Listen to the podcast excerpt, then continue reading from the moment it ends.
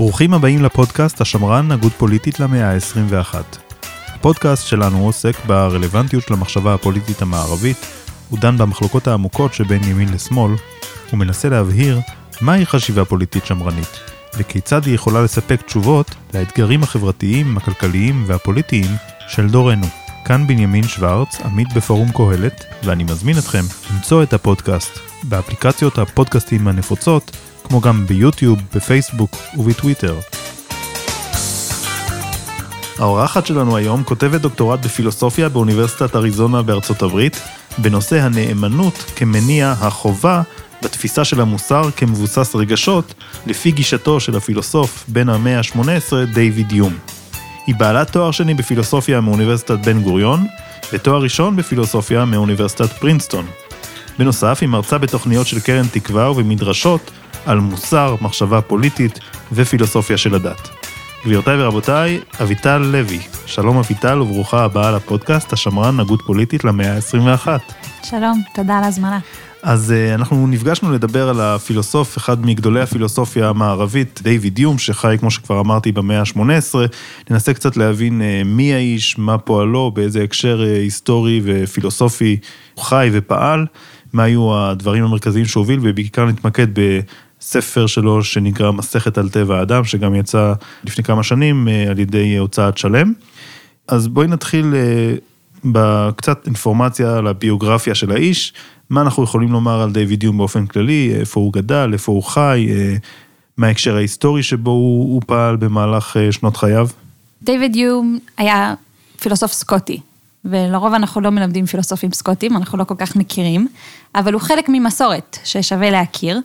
קודם כל הוא כתב במאה ה-18, חי וכתב במאה ה-18, הוא נולד למשפחת אצולה, שזה אומר שהוא לא היה צריך לעבוד יותר מדי, אבל לא משפחה מאוד עמידה, אז הוא כן חיפש דרך לכלכל את עצמו.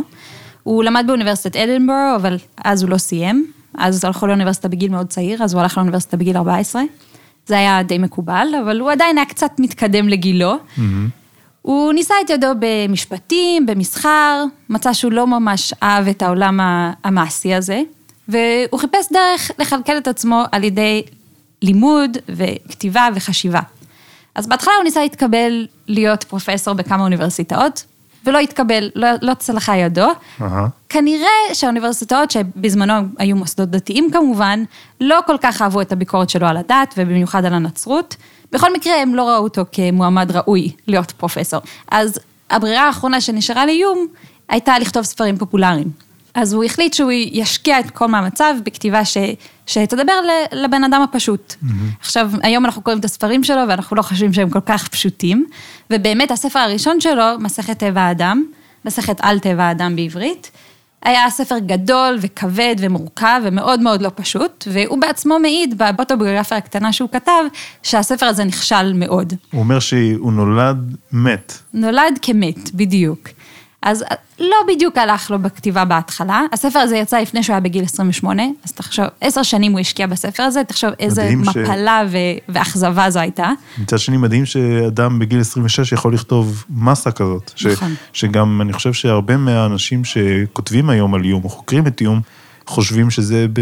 אולי היצירה הספרותית הכי חשובה, הכי משמעותית שלו. בהחלט. יש דיון מאוד גדול לגבי זה בין חוקרי איום, מה הספר הכי מוצלח שלו. אבל אין ספק שהמסכת היא הכי מורכבת, הכי הרבה חידושים, שמישהו כתב משהו כזה בגיל כזה צעיר, זה באמת מרשים מאוד. אז מה עוד אנחנו יודעים על האישיות שלו? אה, אני רואה על הכריכה של הספר, אה, יש לו איזה מין כיסוי אה, על הראש, משהו יוצא דופן. אנחנו יודעים דברים על האישיות שלו, על הדברים המיוחדים אצלו, על... יש איזה רכילויות, משהו מעבר לכתיבה הכל כך כבדה, שתכף אנחנו ניגש לרעיונות המרכזיים שהוא כותב שם. אז יום עצמו היה אדם מאוד חבותי, והוא אפילו כותב שאם אתה משקיע יותר מדי זמן עם ספרים, ואתה יושב וקורא ספרים וכותב יותר מדי, אתה מתחיל להיכנס למראה שחורה.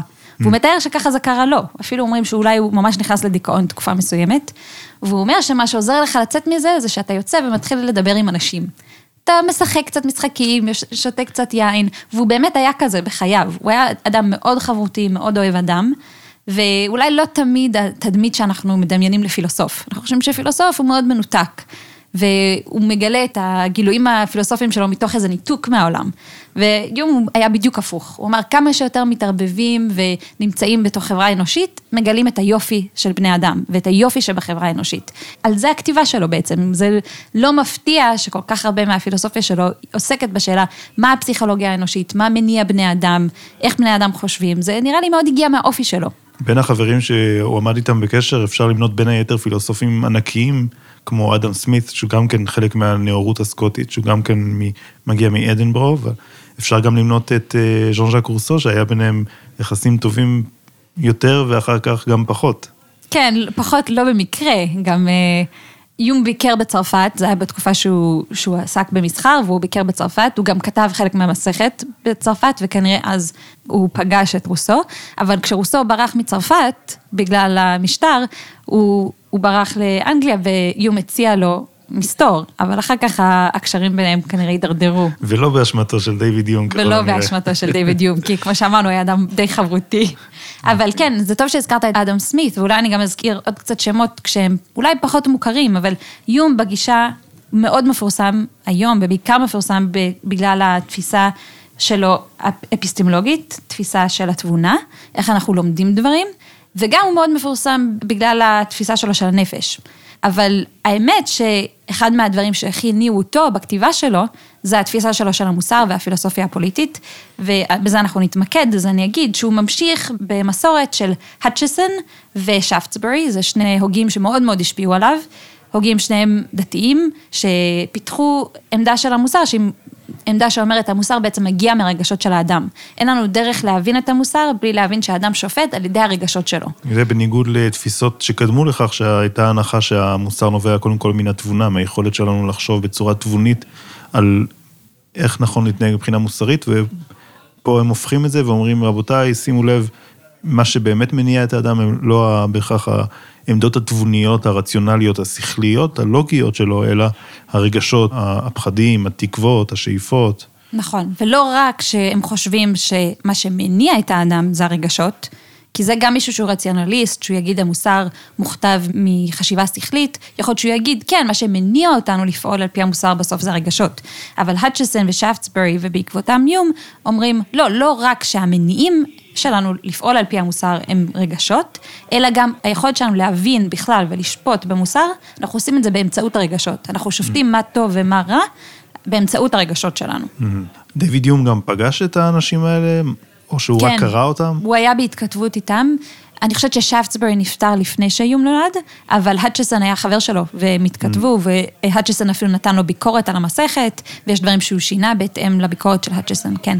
אוקיי, okay, אז כמו שאמרנו, אנחנו נדבר על ה... על... בעצם אנחנו נתמקד בחלק אחד מתוך הספר של המסכת על טבע האדם, זה החלק ש...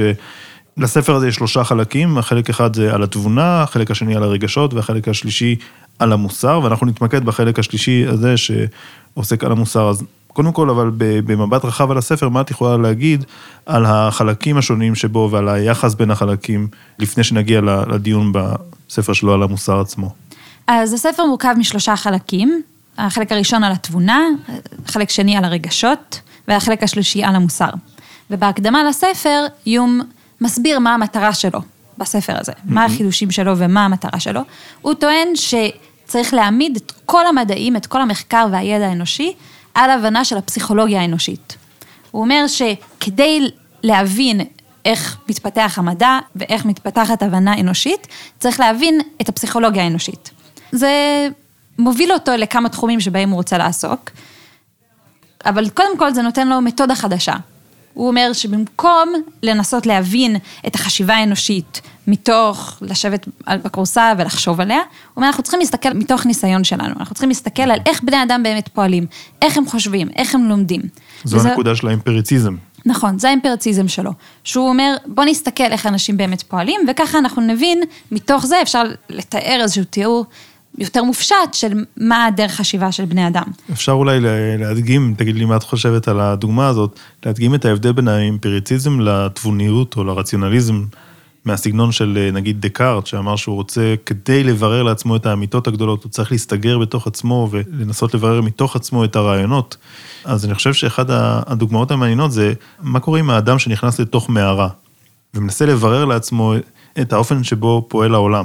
רציונליסט אולי יכול לומר שמתוך המערה אני יכול לבנות טיעונים לוגיים כדי להבין מה, מהו האדם, או להבין גם מתוך החוויה הקטנה שלי את החוויה האנושית באופן רחב יותר, ואילו האימפריציסט, או דיוויד יום, יאמר שמי שנמצא בתוך המערה, לעולם לא יוכל להבין את התופעות הרחבות יותר שאיתן הוא לא נתקל, משום שהאימפריציסט בעצם בונה את כל המסקנות שלו, את כל הידע שלו על בסיס הניסיון, ומי שנמצא סגור בתוך מערה, למעשה לא צובר את הניסיון הזה, ולא יוכל לדעת כמעט כלום על העולם, חוץ מאשר את החוויה הקטנה והלא משמעותית שלו. נכון. לכן יום כשהוא כותב, הוא מנסה לתת לנו את התחושה איך הוא הגיע למסקנות שלו, ולכן הוא מביא המון המון דוגמאות, הוא mm. תמיד מביא דוגמאות, כדי שניכנס להבנה איזה ניסיונות הוא מתאר, שמהם הוא מסתיק את המסקנות. והוא מניח שאנחנו נעשה את זה בעצמנו, כדי לבדוק את התיאוריות שלו. הוא אומר, לכו, לכו תסתכלו, תראו איך אתם לומדים דברים, תראו איך ילד קטן לומד דברים, תראו איך מבוגר לומד דברים חדשים שהוא לא נחשף אליהם קודם. אבל הוא מנסה להמחיש לנו את זה באמצעות הרבה דוגמאות, באמת. Mm. רק כדי להגיד עוד כמה מילים על הספר בכללי, כן. אני אסיים ואני אגיד שכמו שאמרנו, הוא חושב שצריך ללמוד מן הניסיון, זה חשוב מאוד בתפיסה שלו של התבונה, איך בני אדם לומדים דברים, אבל זה גם חשוב בתפיסה שלו של המוסר. והוא חושב שפילוסוף של המוסר לא צריך להכתיב לאנשים מה המוסר. אלא פילוסוף של המוסר צריך ללכת ולראות מה בני אדם באמת חושבים שהוא טוב ורע. ורק מתוך ניתוח כלשהו של מה בני אדם חושבים שהוא טוב ורע, אפשר להגיע לאיזושהי תיאוריה של מה, מה זאת עבירה. הפילוסוף לא יכול להכתיב את זה, אלא הוא צריך ללמוד את זה מתוך הניסיון. כמו שאמרנו, יום מחדש מתודה, הוא חושב שהמתודה צריכה להיות מתודה של תיאור פסיכולוגי של האדם, שעליה הוא מבסס מתוך הניסיון את ההבנה של, שלנו בכל מיני תחומים פילוסופיים. אז הספר הראשון שלו, על התבונה, עוסק באמת בשאלה מה זה הבנה אנושית, איך היא נוצרת, והוא טוען שהיא נוצרת מתוך ניסיון. החלק השני של הספר עוסק בתיאור פסיכולוגי של האדם, וספציפית הוא מתמקד ברגשות של האדם. והחלק השלישי עוסק במה שהוא קורא מוסר, אבל בעצם הוא מתכוון גם מוסר וגם פילוסופיה פוליטית. זאת אומרת שהחלק השלישי נובע משני החלקים הראשונים. נכון, בהחלט. עכשיו, אם דיברנו על המתודה החדשנית של יום, אפשר גם, בגלל שאנחנו נתמקד בעיקר בפילוסופיה המוסרית שלו, אולי רק נגיד משהו על החדשנות שלו בספר השני על הרגשות, ועל החדשנות שלו בספר על המוסר. אז בחלק של הספר שעוסק ברגשות, יום ממשיך בגישה של שפטסברי ו... והאצ'סון, שהם רוצים לטעון נגד עמדה הנוצרית רווחת, שהאדם הוא כולו רע, והם אמרו לא, לאדם יש רגשות חברתיים, יש לו מה שהיינו קוראים ביהדות יצר הטוב, הוא אוהב אנשים, הוא אוהב אנשים אחרים, הוא רוצה לעשות דברים בשבילם, הם מאוד מתנגדים גם לתפיסה נוצרית, אבל גם אולי מה שאנחנו מכירים מהוגים פילוסופיים מסוימים, מישהו כמו הובס, שהאדם הוא רק אגואיסטי. מבחינתם זה פשוט, כשמסתכלים על האדם רואים שזה לא נכון. ויום לוקח את זה צעד נוסף, והוא אומר, לא רק שזה לא נכון שלאדם אין נטיות לעזור לאנשים אחרים, יש לו את זה, אלא גם האדם הוא בבסיסו יצור רגשי, והרגשות עצמם הם דברים חברתיים. האדם לא יכול לשמוח או להיות עצוב, לכעוס או לקנא, בלי שהוא יושפע וישפיע על אנשים אחרים. ובגלל שהרגשות הם כל כך מרכזיים בפסיכולוגיה שלנו, אנחנו יצורים חברתיים. בגלל שכשאנחנו שמחים, אנחנו מדביקים אנשים בשמחה שלנו. Mm. וכשאנחנו רוצים לנקום, אנחנו מדביקים אנשים בנקמנות שלנו. ולכן, עצם זה שהרגשות הם כל כך חזקים בנו, הם הופכים אותנו ליצורים חברתיים, שמושפעים מהחברה ושמעצבים את החברה. זה הספר השני שלו, זה החדשנות שלו בספר השני. זאת אומרת שהרגשות הם אלה שהופכים את האדם להיות חלק מחברה וחלק מקהילה, ואולי בטרמינולוגיה של אריסטו לחיה חברתית. נכון. או שפשוט, כשם שהוא חיה חברתית, גם הרגשות שלו הם מתקיימים מתוך יחסים בין בני אדם. הוא חושב שגם היכולת שלנו להבין וללמוד לפעמים נעשית בצורה חברתית. Mm. אז יכול להיות שיש לזה עוד ממדים, אבל הוא חושב שהרגשות הם ממש במהותם חברתיים. שאתה לא יכול פשוט לשמוח רק עם עצמך ולא להשפיע על אנשים אחרים. אתה לא יכול לשמוח רק בשמחה של עצמך, ולא לשמוח בזה כשאנשים שאתה אוהב שמחים, גם אתה שמח. Mm. אז הרגשות, אי אפשר לנתק אותם מהפן החברתי שלהם. אוקיי. Okay. וזה מה שמוביל אותו לתפיסה המוסרית שלו. ונגענו בזה קצת בהתחלה, שהוא מתנגד לתפיסה שרואה את המוסר כנובע משכל בלבד. היו תפיסות של פילוסופים כמו מישהו כמו קלארק, שחשבו שאפשר להסיק את המוסר ממש כמו הוכחות. אם אתה יכול להניח הנחות יסוד, אקסיומות מתמטיות. מה למשל? אם אתה יכול נגיד להניח שכל בני אדם שווים, כן, זה לא הנחה של קלארק, אבל הנחה של פילוסופים אחרים מניחים, ומזה אתה יכול לגזור כל מיני נגזרות. Mm-hmm. ויום אומר לא, אנחנו צריכים ללכת בגישה ניסיונית, וכשאם אנחנו מסתכלים על האדם ורואים מאיפה המוסר שלו מגיע, איך הוא שופט, הוא אומר, השיפוטים שלנו הם על ידי הרגשות. אנחנו לא מגיעים למסקנה של לרצוח זה רע, בגלל שאנחנו עושים איזה, איזה תרגיל מתמטי, או שאנחנו מתחילים עם אקסיומות ואז גוזרים אסור לרצוח. הוא אומר, לא, יש לנו רגש מאוד שלילי. לבני אדם יש רגש של שנאה, של תיעוב, של גועל מרצח. במובן הזה זה מאוד מזכיר לי את התזה של אדם סמית, שנקראת אה, Theory of Moral Sentiments, התיאוריה של הרגשות המוסריים שמתפתחים באופן הדרגתי. אז בעצם את אומרת לנו שדייוויד יום ואדם סמית הם מפתחים מין גישה שהיא בסך הכל משלימה? כן, אדם סמית כותב אחרי איום, אז הוא מאוד מאוד מושפע מאיום. הם שניהם מושפעים מהמסורת של האצ'סון ושאפטסברי, הם שניהם לא ממציאים את הגישה, אבל לכל אחד יש פיתוחים שונים. איום מאוד עוסק בפסיכולוגיה, זה המרכז מבחינתו, mm-hmm. והוא מקשר את הסיפור המוסרי לפילוסופיה של תבונה, של איך בן אדם לומד mm-hmm. על המציאות. אדם סמית, יש לו, הוא עוסק הרבה יותר בכלכלה לדוגמה מאשר איום, אבל כן, הם בהחלט באותה מסורת. כשאנחנו נכנסים לתוך הספר שלו על המוסר, אנחנו רואים שיום מחפש את אבן היסוד של החיים החברתיים או החיים הפוליטיים, ושם הוא שם דגש מאוד גדול על הנושא של הרכוש הפרטי. ויום מנסה להבין מהו הבסיס ליחסים הוגנים בין בני אדם, ליחסים שבהם אני מכבד את המילה שלי, ואם יש לי חוב כלפייך, אני צריך להחזיר לך את מה שלוויתי ממך, אז הוא שואל, למה בכלל אדם משיב הלוואה? למה, למה אנשים פועלים ככה בחברה? והוא לא מוכן לקבל את התשובה שאנחנו עושים את זה רק בגלל שאנחנו רוצים להיות הוגנים, או אנחנו רוצים לשמור על שמנו הטוב, כי הוא אומר שבאותה מידה גם אהבה עצמית, או אנוכיות, או אגואיזם, יכולים באותה מידה גם להוביל למעשים שהם מאוד uh, שליליים מבחינה מוסרית, למעשי עוול, והוא גם לא מוכן לקבל את הדאגה לאינטרס הציבורי מסיבות שונות, הוא מסביר uh, שבסופו של דבר אנשים פועלים לפי אינטרס פרטי ולא לפי אינטרס ציבורי שמנותק מהאינטרס הפרטי שלהם, וככה הוא בעצם מעצים את השאלה שהוא שואל, למה אדם משיב הלוואה, אבל כמובן שזה רק דוגמה ליחסים חברתיים, או בכלל לתפיסה של צדק בחברה. והוא מגיע למסקנה, ואני מצטט בדילוגים, הוא אומר כך, אין לנו מצד הטבע שום מניע ממשי או אוניברסלי לשמור את חוקי היושר, נאלץ להודות שהחוש לצדק ולאי צדק אינו נגזר מהטבע, אלא צומח באורח מלאכותי, מחינוך ומהסכמים אנושיים. סוף ציטוט.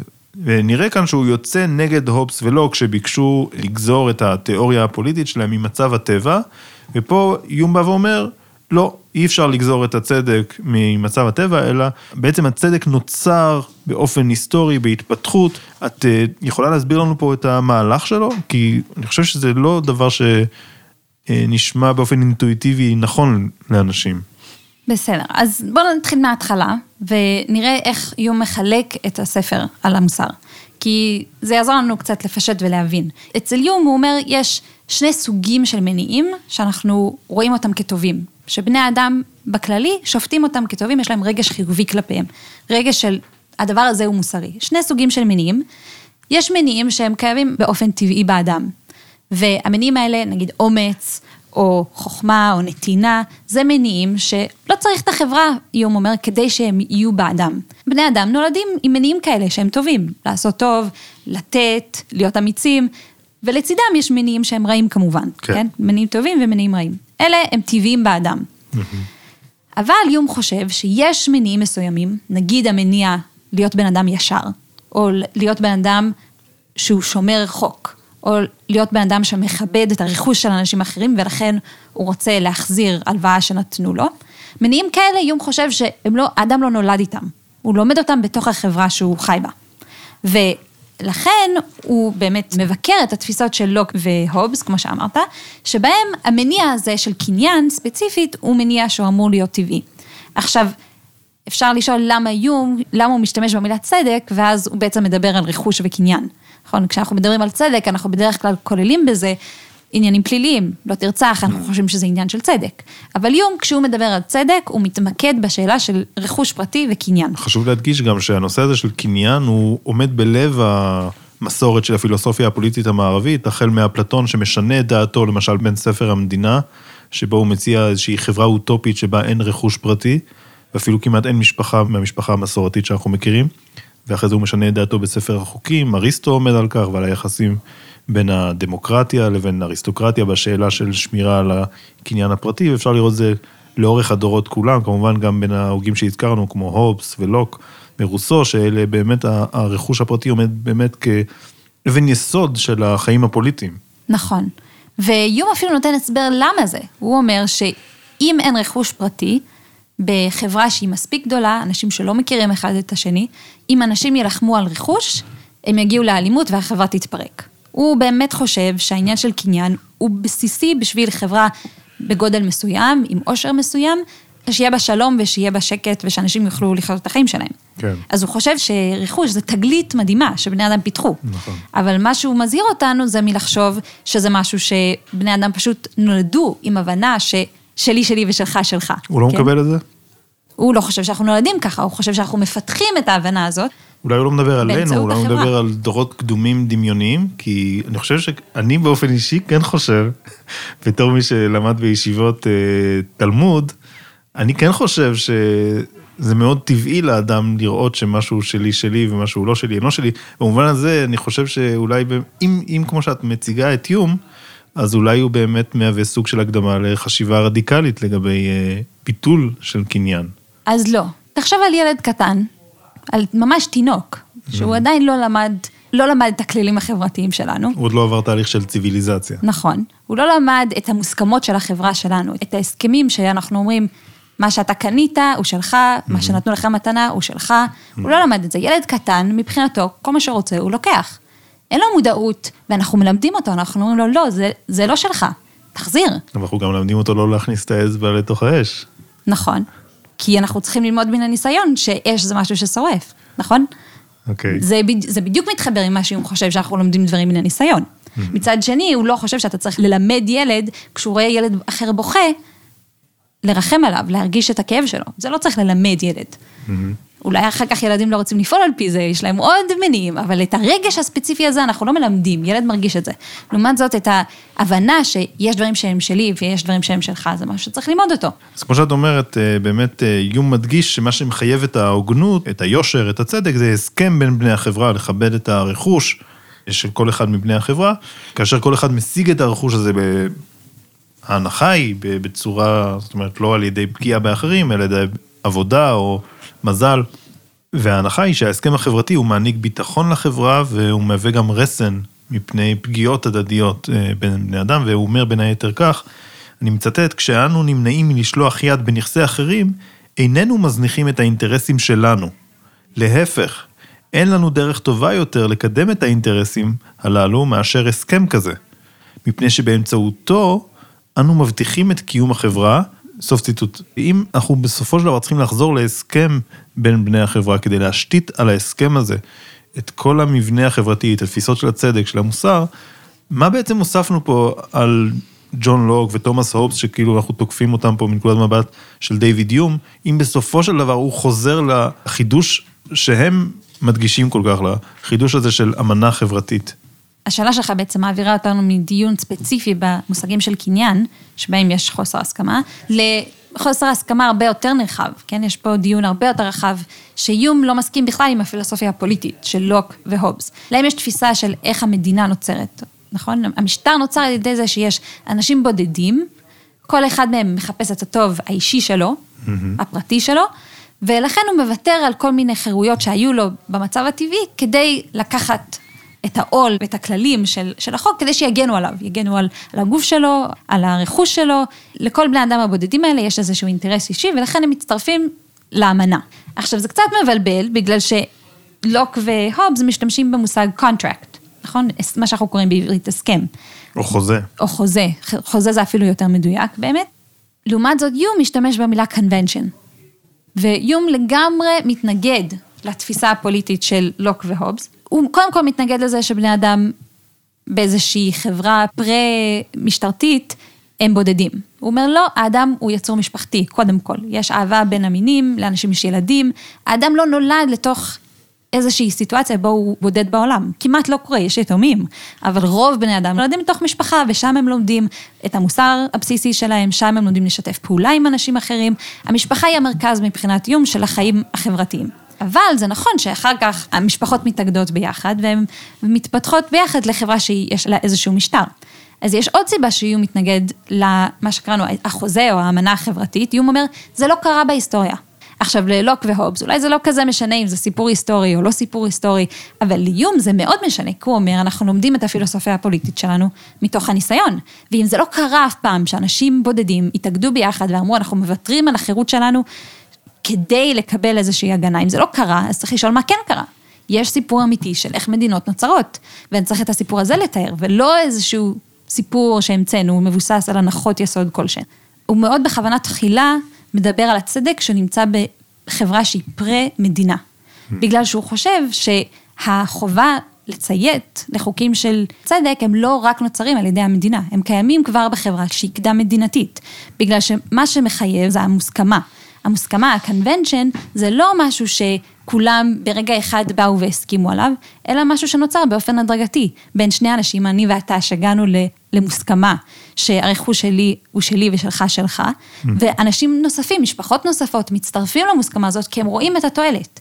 אז זה חייב להיות משהו שהוא הדרגתי, בגלל שהמוסכמה היא רק מצליחה אם היא באמת עוזרת לאנשים, היא באמת מיטיבה את החיים של אנשים. אבל... הדרגתיות הזאת היא מאוד חשובה לאיום, ולכן הוא רוצה להראות שחובה לא נוצרת מאיזשהו הסכם שקורה באופן חד פעמי, אלא באופן הדרגתי אנשים מצטרפים למוסכמה שהם רואים אותה כטובה, כמועילה להם בחיים שלהם. לכן הביקורת שלו על לוק והובס, ובעצם על כל הגישה של האמנה החברתית, יש בה כמה רבדים, כן? זה גם ביקורת על מה הפסיכולוגיה האנושית. לא, בני אדם הם לא פשוט אגואיסטים, הם לא בודדים שמתאגדים פתאום באיזשהו רגע כזה לאיזושהי חברה מאוגדת. Mm-hmm. אם לאדם לא היה את הצד החברתי בפסיכולוגיה שלו, הוא לא היה יכול להתאגד, זה מה שהוא חושב.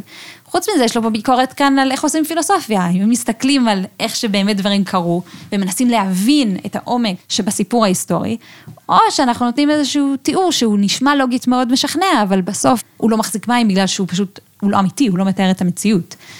אבל מנקודת מבט אה, קצת אה, ביקורתית על איום, הייתי שואל ככה, אם הצדק מבוסס על הסכמה, גם אם היא הסכמה שנוצרה במשך דורות של התפתחות אה, ציוויליזציה, אם בסופו של דבר כל מה שהיושר או הצדק, חוש הצדק שלנו נשען זה רק על מוסכמה, והמוסכמה הזאת נוצרה בגלל שאנחנו מבינים שהצדק נועד לשרת את האינטרסים שלנו, אז מה קורה כאשר אדם בא לדיוויד יום ואומר לו, מר יום, כללי הצדק במקרה X פוגעים באינטרסים שלי, למה שאני אענה להם? זה בדיוק השאלה שהכי מציקה לאיום. זו השאלה שמציקה לו, לכן הוא שואל מה המניע לצדק, נכון? לעומת לוק ששואל מאיפה מגיעה הזכות, איום רוצה לשאול מה מניע אנשים לשמור על החוק הזה בסוף. בסדר, הם מצטרפים לזה בגלל שהם רואים שזה טוב להם אישית. אבל אין ספק שככל שחברה היא גדלה, באיזשהו שלב דורשים ממך לשלם מיסים ועכשיו אין לך, או דורשים ממך להחזיר איזושהי הלוואה לאיזה בן אדם מרושע, שיש לו את כל ההון שבעולם ולך אין כלום, זה הדוגמאות של איום. הוא אומר, ברגע הזה, ברגע שכרגע זה לא משחק לטוב האישי שלך, למה שתפעל לפי זה? זו השאלה שלו. אפשר בעיקר לשאול על יחסים של איבה. ברגע שיש יחסים של איבה בין אזרחים יחידים, או בין קבוצות של אזרחים, או בין אזרחים של מדינה אחת, או בין מדינה אחת למדינה אחרת, או בין כוח צבאי אחד לשני. ברגע שיש יחסי איבה כאלה, שבהם אה, נשברים היחסים החברתיים, שהאינטרס לשמר אותם מהווה את הבסיס לצדק, אז על בסיס מה אפשר להגיד לאזרח X או לקבוצה X או למדינה X, לנהוג במה שנקרא כללי יושר מקובלים. נכון, ולכן בדיוק בגלל שהשאלה הזאת כל כך מציקה לו, יו מחלק את התיאור ההיסטורי לשני שלבים. בשלב הראשון הוא אומר, כשאנשים בכלל חושבים האם להצטרף או לא להצטרף לאיזושהי מוסכמה, הם עושים חישוב של אינטרס אישי, ותמיד כשהוא מדבר על אינטרס אישי, הוא מתכוון שלי ושל האנשים החשובים לי, כן? זה אף פעם לא באמת באמת mm-hmm. אישי. זה החישוב שאנשים עושים כשהם שואלים בכלל האם להצטרף למוסכמה. אבל רוב האנשים הם נולדים לתוך מוסכמות, אנחנו לא ממציאים את הגלגל בכל דור ודור, ולכן באמת זו עוד שאלה, לוק והובס, הם חושבים שהחובה מגיעה מהסכמה, אבל ברור שאין הסכמה בכל דור. ויום אומר, לא, השאלה היא לא מתי אתה מסכים, אלא אתה נולד לתוך זה. זה החוקים שבמדינה שנולדת אליהם, זה המוסכמה בחברה שנולדת אפילו אם היא עדיין לא מדינה. מה מניע אותך לפעול על פי זה? ולכן השלב השני, אחרי החישוב של האינטרס האישי, יום חושב שאנחנו באמת נותנים מימד מוסרי לחוקים שהם בהתחלה הם היו לגמרי מסיבות אגואיסטיות. והוא חושב שכמו שאנחנו, יש לנו אינסטינקט לשנוא רצח, אנחנו מתעבים את זה, אנחנו רואים את זה כמגעיל, אם אנחנו גדלים בחברה שבה יש מוסכמות של רכוש פרטי, אנחנו לומדים, אנחנו מפתחים אהבה לאנשים שהם עושים דברים באופן ישר, באופן צודק. ואנחנו סולדים מאנשים שהם כל הזמן חותכים פינות, והם כל הזמן מנסים לרמות. מי זה אנחנו? הוא חושב שאם אתה חי בחברה שאלה המוסכמות... אבל יש בחברה אנשים שפועלים אחרת, ואני חושב שהם יכולים לקחת את הספר הזה, אלא אם כן תשכנעי אותי אחרת, יכולים לקחת את הספר הזה ולהגיד, הנה, זו ההצדקה שלנו לנהוג כך. אנחנו חושבים שלגנוב זה בסדר, כי זה מה שמשרת את האינטרסים שלנו. כללי היושר שהסכמתם עליהם לפני 50 שנה או 100 שנה או 1,000 שנה, לא, לא מקובלים עליי. כי הם לא משרתים את האינטרסים. אם בסופו של דבר הכל נשען על האינטרס, אז מה קורה כשזה לא מצדיק את האינטרס? אבל זה בדיוק מה שהיא אומרת, שזה לא הכל נשען על האינטרס. זה נכון שאנחנו רק מצליחים לפתח חוקים כאלה, כי זה לטובתנו. אחרת, למה שנמציא אותם? Mm-hmm. אבל יום לא חושב שבני אדם מונעים רק על ידי אינטרס אישי, זה לא המניע היחיד של אנשים. הוא חושב mm-hmm. שאנשים רוצים להיראות טוב בעיני אנשים אחרים, הם רוצים להיות מכובדים על ידי אנשים אחרים, אבל יש אחד שרוצה הרבה כסף בבנק, הוא לא רוצה להיראות טוב בעיני השכן. נכון. הוא, המניע היחיד שנשאר לו, שיכול לשכנע אותו, זה שישימו אותו בכלא. וזה גם מניע, גם מניע שאנשים פועלים לפי הצדק, זה בגלל שהם לא רוצים ללכת לכלא. יש מגוון מניעים, אבל מה שחשוב לאיום, זה שאנחנו כן מסוגלים לפתח באמת אהבה ליושר. זה משהו שאנחנו יכולים להעריך. מה לגבי אותו אחד שלא ייכנס לכלא כי הוא יודע שלא יתפסו אותו? יש כאלה, תמיד יש כאלה בסוף, שהם לא משתכנעים מכל המניעים, ואנחנו אבל... לא מצליחים להעניש אותם. Okay. אוקיי. כן, יש אנשים כאלה, זו עובדה. זאת אומרת, דיוויד יום לא יגיד שהוא איש רשע, או שהוא כן יגיד שהוא איש רשע? ברור שהוא איש רשע. למה? אבל הוא פעל לפי האינטרסים. כי אנחנו חושבים שיושרה זה דבר טוב, ולהיות רמאי זה דבר רע. ברור שזה דבר רע. יום לא בא לשאול, זה מאוד מצמצם את הביטוי רע. זאת אומרת, הוא רע בגלל שזה לא מסתדר עם ה... בגלל שהוא פוגע בכולנו. איתנו. הוא כן. פוגע בכולנו, כן, אז הוא רע. אבל אין בעיה, בעיקרון אין בעיה בפגיעה באנשים אחרים. למה לא? זה מה שהתחלנו מההתחלה, שאמרנו שיום חושב שבני אדם, יש להם ממש שנאה מבן אדם שפשוט פוגע באנשים אחרים. השאלה לא הייתה האם אנחנו חושבים שלפגוע באנשים אחרים זה רע, זה ברור מאליו שבני אדם חושבים שזה רע. השאלה היחידה הייתה האם לא להחזיר הלוואה זה לפגוע בבן אדם אחר. Mm-hmm. זו השאלה שלו על קניין. הוא אומר, יש חלקים מסוימים של המוסר שהם לא נחשבים רע עד שאנחנו מבינים למה הם רעים. עד שאנחנו מפתחים מוסכמות, בגלל שאנחנו מבינים שהדבר הזה יפגע בנו. Mm-hmm. אבל זה לא אומר ש... מעכשיו אפשר להגיד שלרצוח זה דבר לא רע, זו הייתה נקודת ההתחלה שלנו, שיהיו, ברור, בני אדם שופטים את זה כרע, זה עושה לנו רע. לקראת סיום שיחתנו, אה, האם תוכלי ככה לתת לנו איזושהי תובנה שיותר קרובה לעבודה שאת כותבת, אה, לדוקטורט שאת כותבת אה, באוניברסיטת אריזונה, איך בעצם את התחברת לכל הנושא הזה, לדיוויד דיום באופן ספציפי, ו, ואיך את חושבת שה... הסוגיות המאוד מופשטות האלה, המאוד אה, פילוסופיות האלה, יכולות להיות רלוונטיות להגות פוליטית היום, במאה ה-21. איך הגעתי לזה? שאלה טובה. לי מאוד חשוב שאנשים יהודים יבינו שהמסורת שלהם היא מחייבת. שזה שנולדת לתוך עם מסוים, עם מסורת מסוימת, זה רלוונטי לאיך שאתה צריך לפעול, הבחירות שאתה תעשה בחיים. ולתחושה שאתה חייב, שזה לא אם אני רוצה, אני חלק מהעם הזה ואני פועל על פי המסורת, ואם אני לא רוצה, אני לא. לא, יש עניין של חובה. אני חייב לפעול על פי המסורת שלי.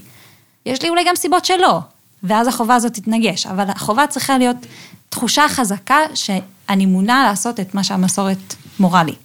עכשיו, הבעיה היא שבעולם מודרני, שבו יש לנו תפיסה של לא קו-הובס, אנשים הם בודדים, והם בוחרים להצטרף לאיזושהי אמנה, ומה שמחייב אותם זה אמנה שיהיה איזשהו הסכם בין כל הצדדים, שהוא חישוב, איזשהו חישוב שכלתני שמה מועיל לי אישית.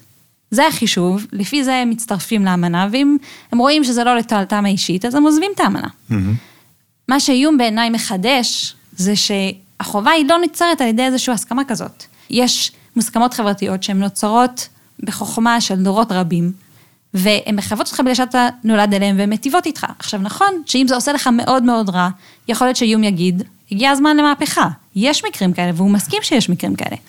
אבל השאלה היא מה טוב, מה טוב לך, האם המוסכמות של החברה הזאת הן טובות או לא. והאם אתה נולדת לאיזושהי חברה שהיא פיתחה כל מיני תובנות לגבי מה שטוב ורע, שלא היית יכול להגיע אליהם לבד. זה החידוש של איום, שהוא אומר, זה שרצח זה רע, רוב בני אדם היו יכולים להגיע לזה בעצמם.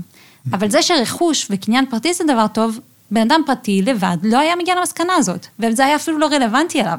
זה רק רלוונטי לאנשים שהם חיים ביחד ומשתפים פעולה ביחד, והם חיים ביחד כמה וכמה דורות, והם מפתחים את התובנה שאם נשמור ונכבד על רכוש פרטי, לכולנו יהיה טוב יותר. אני לוקחת את זה כבשורה מאוד חשובה לאנשים שחיים בעידן המודרני, באיזשהו עידן של אגואיזם שנוצר מהתפיסה של לוק והובס, והעמדה שיום מציב היא אלטרנטיבה, הוא אומר, לא, לפעמים אנחנו לומדים דברים במשך דורות, אנחנו נולדים לאיזושהי חברה שכבר יש בה מוסכמות, ואנחנו מרגישים חובה מאוד גדולה שמניעה אותנו לפעול על פי המוסכמות של החברה הזאת. Mm-hmm. עכשיו, יש טענה מאוד חזקה, אני חושבת, של האצ'סון, לא של יום. האצ'סון טען שהבעיה בסיפור של הובס, זה לא רק שהיא לא מתארת את המציאות נכון, אלא שהיא גם מעוותת את המציאות. הוא טען שזה לא נכון שבני אדם הם אגואיסטים ושהם פועלים רק לטובתם האישית, אבל אם אתה מטפטף לאנשים את הסיפור של הובס מספיק זמן, אם אתה מספר לאנשים מספיק זמן שהם אגואיסטים, אז בני אדם יכולים להיות אגואיסטים. יש להם את הצד הזה שהם דואגים לעצמם, והם יכולים לצמצם את כל שאר הרגשות של האחווה והרצון לעזור לאנשים אחרים, והטוב לב, והנאמנות לאנשים אחרים, הם יכולים לצמצם את זה ולצמצם את זה, עד שהם נהיים יצורים אגואיסטים. ואני חושבת שאנחנו כן חיים בחברה כזאת. יש באמת סכנה כזאת שמטפטפים לילדים מגיל צעיר, שהם צריכים רק לפתח את עצמם ולחשוב על עצמם ולחשוב על הטוב האישי שלהם, אז הם יהפכו ליצורים כאלה, כי הטבע האנושי, למרות שיש בו איום חושב בסיס, הוא גם מאוד גמיש הטבע האנושי, והוא יכול להתפתח לכל מיני כיוונים. זה מה שאיום אומר, שהמוסכמות מעצבות אותנו, הן מעצבות את המניעים שלנו, הן יכולות לתת לנו מניע של אני רוצה להיות בן אדם ישר, אני רוצה להיות בן אדם שמשלם מיסים, כי זה טוב ואני רואה את זה כטוב. Mm-hmm. ומה שאנחנו רואים זה יכול להיות גם הפוך. החברה יכולה לטפטף סיפור שמכווין אנשים לכיוון שבו הם באמת חושבים רק על הטוב האישי שלהם. ומבחינתי זה, זה ממש, הכל כאן סיפור תיאורטי, הכל כאן פילוסופיה, אבל בסוף השאלה היא איזה חיים אנשים יחיו. ואני חושבת שחבל, חבל לנו להפסיד מסורת של אלפי שנים, חבל לנו להפסיד את התחושה הזאת, אני חלק מסיפור הרבה יותר גדול ממני, ממוסכמות, מכללים שנוצרו במשך אלפי שנים, mm-hmm. שמחייבים אותי ומיטיבים עם כולנו. ובסיפור הפרטי האינדיבידואלי של הופ ולוק, אנחנו מאבדים את התחושה של החובה. אנחנו מאבדים את התחושה, אני חייב לעשות את זה, אני חייב לעשות את מה שהמסורת שלי מורה. לדעתי, כולנו יוצאים מפסידים מזה. אוקיי, זה, תשמעי, זה נורא נורא מעניין, אפשר לשאול על זה קושיות מכל מיני כיוונים, אבל אני מניח שהקושייה שהכי אה, עולה על פני השטח זה איך הצלחת להפוך את דיוויד יום, הסקפטי הגדול, שגם אה, נראה שהגישה המוסרית שלו מבוססת, דיברנו על זה המון, על אופן של התפתחות שמתאימה לאינטרסים, לעומת זאת, אה, לפחות איך שהיהדות מציגה את עצמה, זה לא כך, אלא יש ציווי אלוהי שהוא מוחלט, ויש מוסר אובייקטיבי מוחלט, והוא לא תלוי בהתפתחות כזאת או אחרת של החברה האנושית. איך הצלחת להפוך את כל זה, להתאים לעולם הערכי שלך? אז אתה לא הראשון ששואל את זה. כבר המנחה שלי בתואר ראשון בפרינסטון, אמר לי, אביטל, אני לא מבין איך את תמיד אוהבת את כל האתאיסטים. עכשיו, אני לא בטוחה שאיום היה אתאיסטי, זה דיון גדול, כן. מה הוא האמין ולא האמין. נכון. אבל אני חושבת שאנחנו לא צריכים להיקבע יותר מדי למי הבעלי ברית הפילוסופיים של היהדות. אני חושבת שצריך לפתוח קצת את הראש. כי יום חי בחברה שבה קראו תנ"ך. הוא חי בחברה שהנצרות הייתה בתהפוכות, והיה דיון פנימי מאוד עשיר לגבי לאן הנצרות הולכת, מה האמונות החשובות, היו המון המון כתות דתיות. ואני חושבת שהיהדות גם היום היא נמצאת בשאלה, אנחנו נמצאים במדינת ישראל, בחברה חדשה, אנחנו צריכים לשאול את עצמנו מה הזהות שלנו ולאן אנחנו הולכים, וצריך לפתוח את הראש ולשאול איפה אנחנו מוצאים תשובות. Mm. עכשיו, זה נכון שהרבה מהביקורת של יום על הנצרות, אני מסכימה איתה. כי גם לי יש ביקורת על הנצרות בתור יהודייה, והרבה מהשאלות שהוא שואל, אני מסכימה איתן. אז עצם זה שהוא מבקר איזושהי דת, אני לא חושבת שכבן אדם דתי, אני חייבת לקחת את זה כהתקפה אישית. השאלה אם אני מסכימה עם הביקורות שלו, או לא מסכימה עם הביקורות שלו. אני חושבת שהוא צודק, שלהעמיד את כל הדת על איזה after life, על איזה עולם שאחרי המוות, זה לא מה שהיהדות מלמדת בעיניי. אני לא חושבת שאנחנו צריכים לקחת את זה כהתקפה אישית, כי אני לא חושבת שזו העמדה הדתית שלנו. Mm-hmm. אם הוא היה אומר אין אלוהים, אז כן, זו התקפה אישית, כי אני מאמינה שיש אלוהים. אבל מה שאני כן מוצאת בו, זה הערכה מאוד עמוקה למה שנוצר בתוך חברה ספציפית, בזמן ספציפי, לאורך שנים. כן? הוא לא חושב שיש לנו מודל אחד שאפשר להדביק אותו על כל החברות האנושיות בכל הזמנים, איזה מודל של לוקו הובס, שהוא המודל הלגיטימי היחידי לאיזה משטר צודק. זה הדרך היחידה להשיג צדק, זה נוצר מאיזה פסיכולוגיה מאוד ספציפית, תיאור מאוד ספציפי של האדם, אבל זה מתאים לכל זמן ולכל מקום. ויום אומר, לא, יש הרבה מהמוסר שהוא מתפתח, שהוא נלמד מתוך הסיטואציה. ונראה לי שזה משאיר פתח להגיד, המסורת היהודית, יש לה ניסיון מאוד מסוים, וגילינו כל מיני דברים בדרך. אני חושבת שזה בדיוק מה שהחומש אומר, שהוא אומר, הייתם גרים בארץ מצרים, אז אתם יודעים את, הרוע של העבדות. Mm. זה, זה המסר של הסיפור הזה, של יציאת מצרים. כי גרים הייתם בארץ מצרים. כי גרים הייתם בארץ מצרים, אז אתם יודעים משהו שאולי אנשים אחרים לא מבינים. Mm. עכשיו, זה לא אומר שזה רלוונטי רק אלינו, יכול להיות שאנשים אחרים יכולים להסתכל על הסיפור שלנו, כמו השחורים בארצות הברית, ולהגיד, כן, אנחנו קוראים את הסיפור של יציאת מצרים, וגם לנו הוא אומר משהו על החשיבות של החירות והיציאה מעבדות לחירות, אבל גם ברור שלמדנו את התורה תוך כדי היסטוריה יהודית. Mm-hmm. זה לא שאנחנו ידענו את כל השמירת שבת שאנחנו שומרים היום, ידענו את זה כבר בהר סיני. למדנו ש... אם אולי אנחנו נשתמש בחשמל, אני לא בטוחה שהשבת שלנו תראה כל כך שבתית. אבל זה לא משהו שמשה ידע בהר סיני. ויכולת שלנו להגיד, המסורת שלנו, כן, היא פרטיקולרית, היא ספציפית לעם ישראל, לסיפור היסטוריה מסוים, אבל היא מחייבת, זה משהו שכמעט אין פילוסוף היום שמלמדים אותו בריש גלי שנותן אפשרות כזאת, כן? Mm-hmm. יום אומר, לא, מה, ש, מה שנוצר בתוך החברה שלכם, בהיסטוריה הספציפית שלכם, מתוך הצרכים שלכם, זה מחייב. יש לזה תוקף של חובה, כי זה מיטיב איתכם, מתוך ההקשר שלכם. ורוב התפיסות של מה מחייב, מה צודק, הן כל כך אוניברסליות היום, שהן מערערות את המחויבות שלנו לתורה שלנו. ו... נכון, אז נכון שיכול להיות שהוא יגיע לכל מיני מסקנות מאוד ספציפיות לגבי מה מותר ואסור, שאני אגיע שונה, כי הוא חי בסקוטלנד של המאה ה-18 ואני גרה בישראל של המאה ה-21. אבל הוא נותן כבוד ומקום להגיד, כן, אבל מה שהתורה שלך מחייבת, היא באמת מחייבת אותך, למרות שהיא לא תורה שמטיפה שכל העולם צריך להתנהג אותו דבר. ובזה נראה לי שזה מסר מאוד חשוב. טוב, תודה רבה אביטל על השיחה המרתקת הזאת, על התפיסה המוסרית והפוליטית. הפילוסופית של דיוויד יום. תודה רבה.